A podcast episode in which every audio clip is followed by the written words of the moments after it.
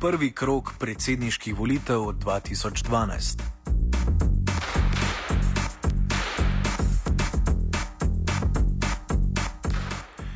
Borut Pahor po včerajšnji zmagi v prvem krogu predsedniških volitev, kjer je prejel 40 odstotkov glasov, s podporniki potihem že slavi zmago v drugem krogu. To temelji na premisi, da naj bi v drugem krogu dobil še dodatne glasove iz desnega pola. Vendar, če pogledamo podatke, stvari le niso tako preproste. Volilna udeležba je bila rekordno nizka.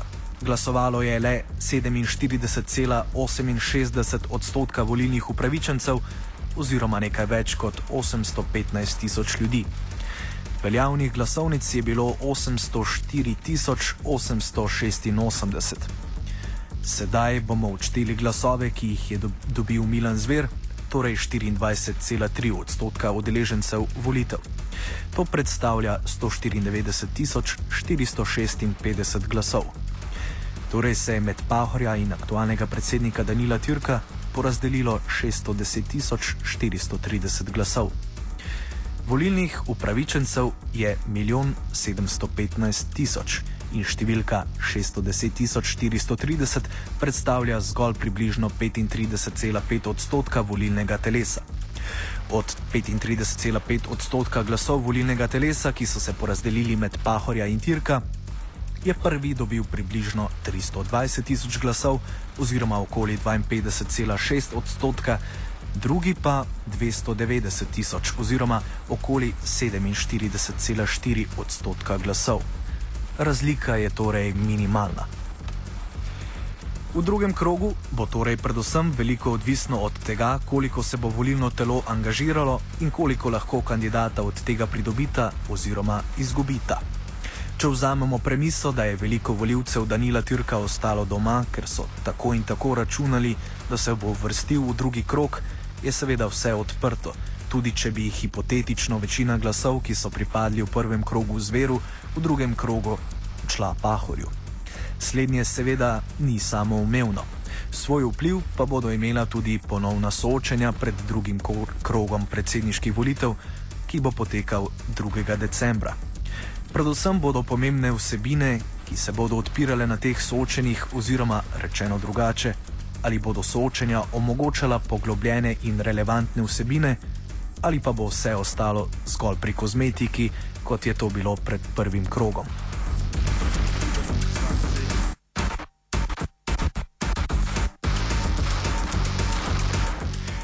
Povejmo, da smo bili v dveh taborih in sicer pri Borutu Pahorju in Danilu Tirku. Medtem ko koncentracije za kisle kumarice in spreobračanje besed v taboru Milana Zvera, nažalost, nismo imeli. Še najboljšo izjavo je dal premijer Janez Janša, ko je dejal, da čestita Milanu Zveru za pošten boj in da je nalil veliko čistega vina. Zver je po mnenju Janša, namesto da bi sadil rožice, kar konec koncev ni tako težko, zagovarjal stvari, ki so v državi nujno potrebne. In zaradi tega je pač preprosto po Janši prejel najmanj glasov, ostale voljivce pa je omamil von rožic. Tako pač Janša gleda na volilno telo. Vedno je treba upravičiti poraz, ne pa ga priznati in pogledati v lastno skledo. Če niso trenirke, so pa rožice.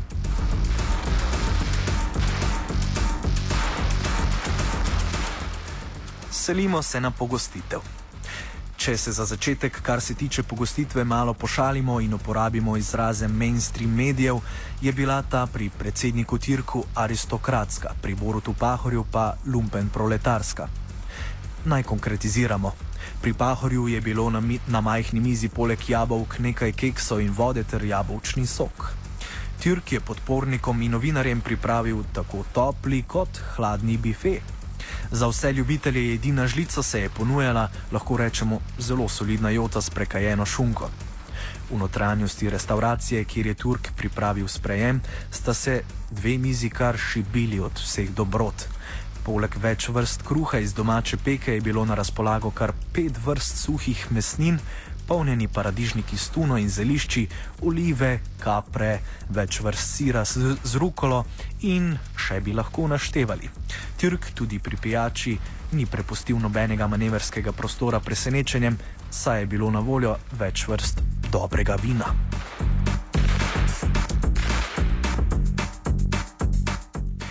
Kar se tiče izjav, ki smo jih po volitvah posneli, bomo na začetku poslušali podpornike Pahorja, ki smo jih ulovili v njegovem taboru na kongresnem trgu.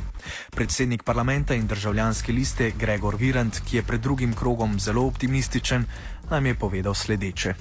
Predvsem moram reči, da, da sem vesel in da smo državljanski listi veseli tega rezultata. Gospod Pahor je kandidat, ki smo ga podprli pred prvim krogom. Mislim, da je danes glavno sporočilo, da si večina volilnega telesa ne želi, oziroma da je dovolj ostrih delitev in spopadov med levico in desnico, ki so nas pripeljali tja, kamor danes smo, ampak da si želijo neke zmerne, sredinske, strpne povezovalne in sodelovalne politike. V vsakem primeru pričakujem zmago gospoda Pahorja, skoraj nobenega dvoma nimam, da bo čez tri tedne postal predsednik Republike Slovenije. Seveda bo moral pa dobro odpeljati tudi ta drugi del kampanje. Čeprav eh, udeležba je bila dosti nizka, se pravi, da je še dosti ljudi, ki se da mobilizirajo, tako da je težko govoriti samo o zmagi. Ja, lejte, v politiki ni nič samoumevno in nikoli ni mogoče nobenega rezultata z gotovostjo napovedati. Zdaj pa še za konec, večkrat se je zgodilo, ko se je govorilo, kdo podpira Pahorja, da se je dejalo samo socialni demokrati, tudi recimo na oddaji Pogledi Slovenije, kako to komentirate, da se ni menila vaša stranka zraven.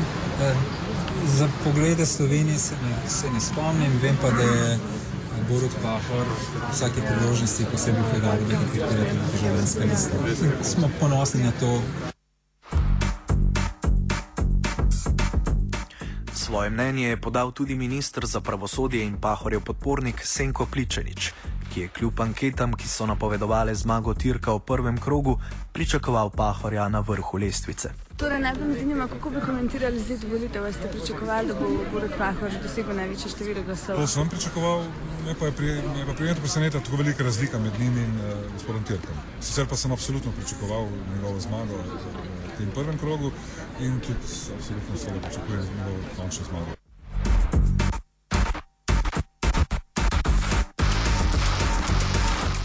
Predsednik socialnih demokratov Igor Lukšič, ki je na strankarskih volitvah proti kandidatu Pahorju učital preveč popustljivo politiko brez trdnih stališč, vidi sedaj tako imenovano povezovalno politiko Pahorja za vsako ceno kot veliko vrlino en in revitalizacijo socialdemokratske ideje. E, politika, ki je vodil eh, Borod Pahor, e, je dejansko povezovalna. Bil sem zraven v vladi kot minister in vem, da je Eh, ogromno naredil za to, da bi eh, Slovenijo spravil skupaj in jo v teh eh, najboljših elementih postavil, skratka tiste ljudi, ki se spoznajo na stvari, postavil na ključna mesta.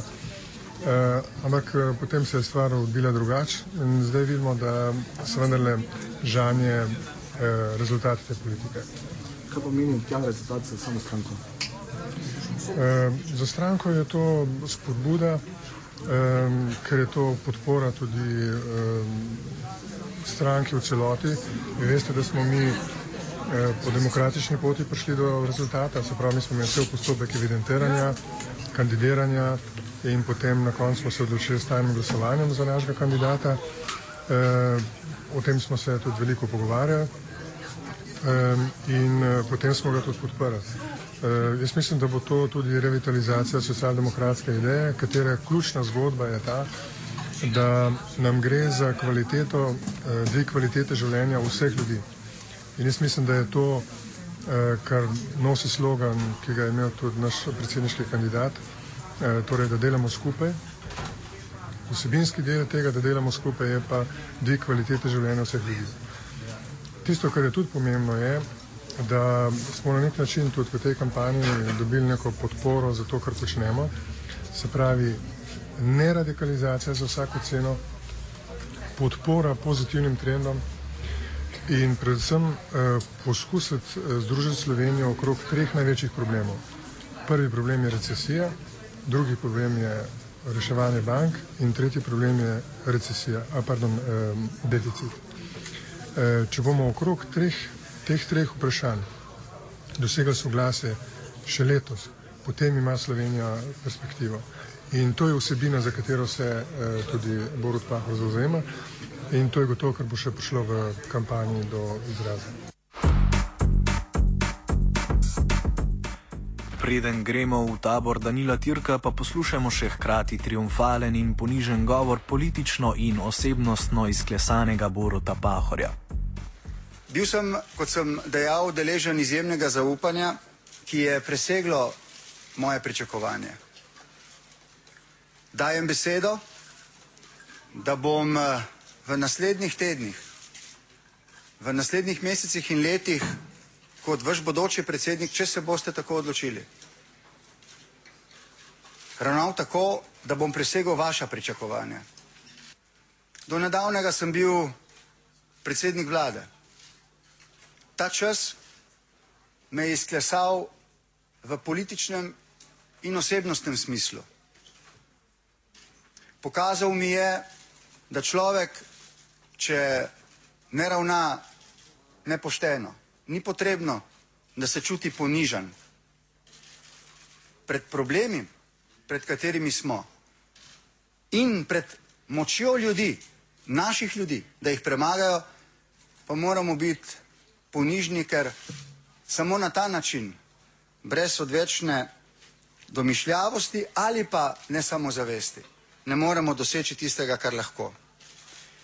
Na koncu, naj se še enkrat zahvalim prav vsakemu od vas, ki se je že v prvem krogu odločil, da podpre vizijo skupnega dela, skupnih naporov, iskanju tistega, kar je med nami skupnega in spoštovanju razlik, ki bodo med nami ostale, kljub temu, da bomo premagovali to krizo kot reprezentanca. Rad bi nagovoril tudi tiste, ki v tem krogu niste glasovali za me oziroma za vizijo, za to vero v prihodnost, za to upanje, ki ga nekako nosim uh, od ljudi, za ljudi. In vam bi rad rekel, ko bomo čez tri tedne glasovali dokončno o novem predsedniku republike, bi si želel široke podpore ne zaradi mojega občutka veselja ali sreče. To je irrelevantno za to skupnost. Za to skupnost je relevantna široka politična podpora, ki, je bila, ki bi je bila deležna s tem moja zamisel, moja ideja, vaša ideja, vaša zamisel, ker to, da postaja vaša, kažejo današnji rezultati. Še ni konec, ampak je že moč slutiti začetke novega obdobja. Ne bo lahko, ni nobene lahke poti, vendar smo sposobni doseči nepredstavljivo, če delamo skupaj.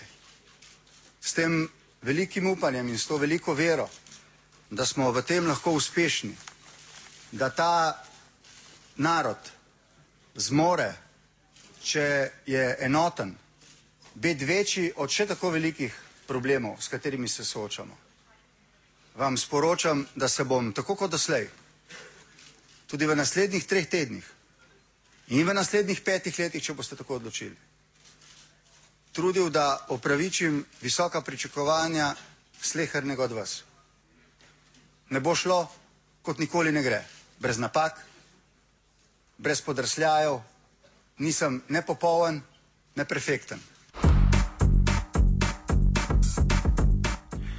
Kot že napovedano pred hkrati triumfalnim in ponižnim govorom politično in osebnostno izklesanega pahorja, se selimo v tabor Danila Tirka. Slednji je za nas pokomentiral rezultat prvega kroga in pa sam potek kampanje pred prvim krogom, ki se mu je zdela premalo vsebinska. No, predvsem sem zaskrbljen zaradi nizke volivne udeležbe. Z rezultatom seveda ne morem biti zadovoljen. To je rezultat prvega polčasa. To pomeni, da se bo treba v drugem polčasu bolj potruditi in da morajo konceptualne razlike med obema preostalima kandidatoma, se pravi med mano in gospodom Pahorjem, priti bolj jasno do izraza. Eno ključnih vprašanj bo eh, pogled na eh, vse mogoče vladne ukrepe, ki jih vidimo, ne, vključno s tistimi, ki se tičejo položaja študentov, položaja univerze in tako dalje. In tu seveda bo treba razpravo voditi bolj konkretno in bolj k vprašanjem. Ne. Mi smo imeli do zdaj le pretežno tako bolj reality show razpravo, kot pa resnično politično razpravo. In v teh treh tednih do konca volivnega procesa nas to še čaka. Se pravi, zdaj se boste osredotočili na konkretne stvari. Vse se, se vedno poskuša, veste, samo če se spominjate, kako so potekala vsa ta razpravljanja in kako je to v mediji, kakšno vprašanje dobivamo. To je bilo vse skupaj predvsem na površini, predvsem vezano na osebnost, na nekašne zunanje efekte, na uh, neke obrobne teme. Ne? Veliko smo se govorili o stvarih, ki nimajo nobene zveze z našim današnjim trenutkom in verjamem, da je tudi to uh, ljudem uh, pustilo v občutek nelagodja. Še eno vprašanje. Kaj vprašate? Študent, nekateri so podali kritike, da ste sicer dobro argumentirano nastopali, pa vendarle premalo z energijo in da ljudje bolj to zaznajo. Ne vem, kako bi na to morda. Ja, veste, že tako, no, jaz sem navajen enega določenega načina komuniciranja, kot veste, sem dolgo časa bil tudi v diplomaciji in tam se mora vseh, tudi najbolj eh, zahtevnih stvari govoriti z eno določeno mirnostjo. Ne? Mogoče potem to izpade nekoliko manj prepričano, kot je v naših eh, domačih razmerah navada. Ampak, eh, veste, svetoval bi, da se malo posvetimo tudi vsebini, ne samo temu, temu rekel bi, eh, zunanjemu vtisu žara in temle, eh, recimo, temu krčevitemu eh, prizadevanju pokazati željo po funkciji, ne, želja, ta močna želja, več čas tu. Lejte, pogovarjati se moramo o vsebini in, in o vlogi, ki jo uh, kdo igra v razmerah, ki jih imamo v Sloveniji. Pričakujete, da bo v drugem krogu tekla kampanja bolj v tem vsebinskem toku, za razliko od tega prvega?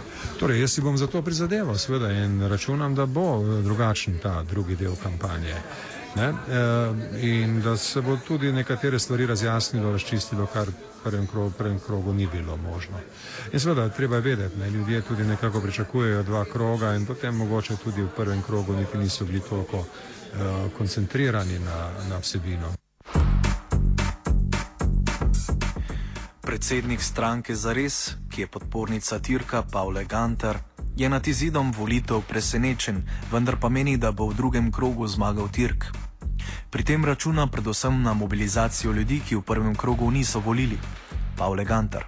Ja, rezultat je zelo drugačen od tega, kar so napovedovali ankete in nasplošno prepričanje, tudi moje, da verjetno, da bi pač eh, sedajni predsednik zmagal v prvem krogu.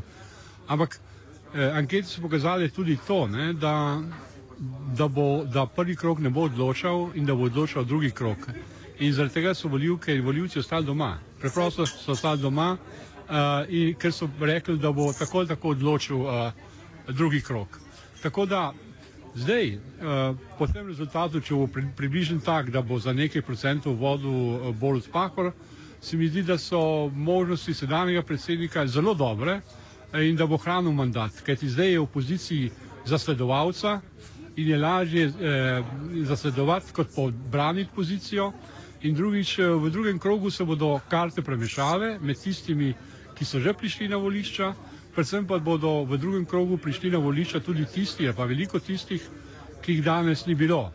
Tako da jaz zdaj rekel, stavim, da bo eh, predsednik eh, Tirk ohranil svojo funkcijo tudi za naslednjih pet let torej stavite na mobilizacijo in potem, da bo ta mobilizacija pripomogla terku. Nekateri pa menijo, da ravno, da se bodo te glasovi od zvera nekako prekanalizirali. Kako to vidite? Mislite, da bojo podprli recimo SDS in te stranke, zdaj pa hodite na to, da so bili dosti napadali v tem prvem krogu? Moje mnenje je, seveda, da noben si ne lasti glas, noben nima v lasti glasov razni voljivci sami. Ne? Ti, ki so glasovali za zvera, a, del teh voljivcev sploh ne bo glasoval, ker so predvsem ti, e, ta del, ki je zazito antikomunistično nastrojen, ne bo glasoval. A, del a, teh a, a, glasov utegne iti pahorju, če lahko malo špekuliramo, vendar, ukoliko se bo vzpostavila pol, ne, da je pravzaprav pahor na nek način tudi skriti ali pa manj skriti kandidat tudi desnice, ne? potem se zna zgoditi tudi, da se bo del voli, eh, glasov od Pahorja preselil Tirko. Ne? Tako da pravim, da se bodo karte za drugi krok ponovno dobro premešale. S tem se strinjam, sam si mislil, na kak način pa lahko se te voljivce, recimo, ko ste rekli, antikomunistične, prepričajo, da gredo, recimo, SDS pa Nova Slovenija, sta lahko tukaj nek faktor, ki bi povišala to število, ki bi vseeno šli potem. Ja, če boste one dva to povečevala, poviševala to število, potem bo na drugi strani uh, veliko skozi cedilo, bojo uhajali uh, glasovi lejih voljivcev, ki so bili dani paparju. Tudi predsednik pozitivne Slovenije in ljubljanski župan Zoran Jankovič meni, da bo Turk Tirk zmagovalec drugega kroga. Dodaja še, da se bo treba v nadaljevanju dvoboja osredotočiti predvsem na resne težave in prenehati s površinskim govorom. Uh, mislim, da zdaj ta dvoboj bo pač treba prenehati s, s tistim finim govorom, kako je tudi vse, ki so resni problemi, opredeliti se do razvoja države na gospodarskem področju, javnega šolstva, zdravstva, do tega problema v parlamentu z eh, izgubljenimi ukradnimi popisi. Tako da bo zdaj zelo, zelo zanimivo in uh, drugi krog bo dobil dr. Tir.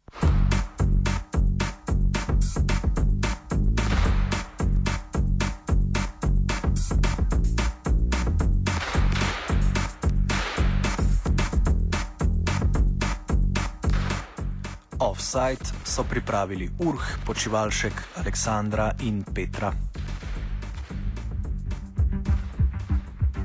Jaz sem ji dal ime izjava. V njej je več kot četrt stoletja mojih političnih izkušenj, eh, presoja sedanjosti in uh, intuicija glede morebitnega razvoja uh, prihodnosti.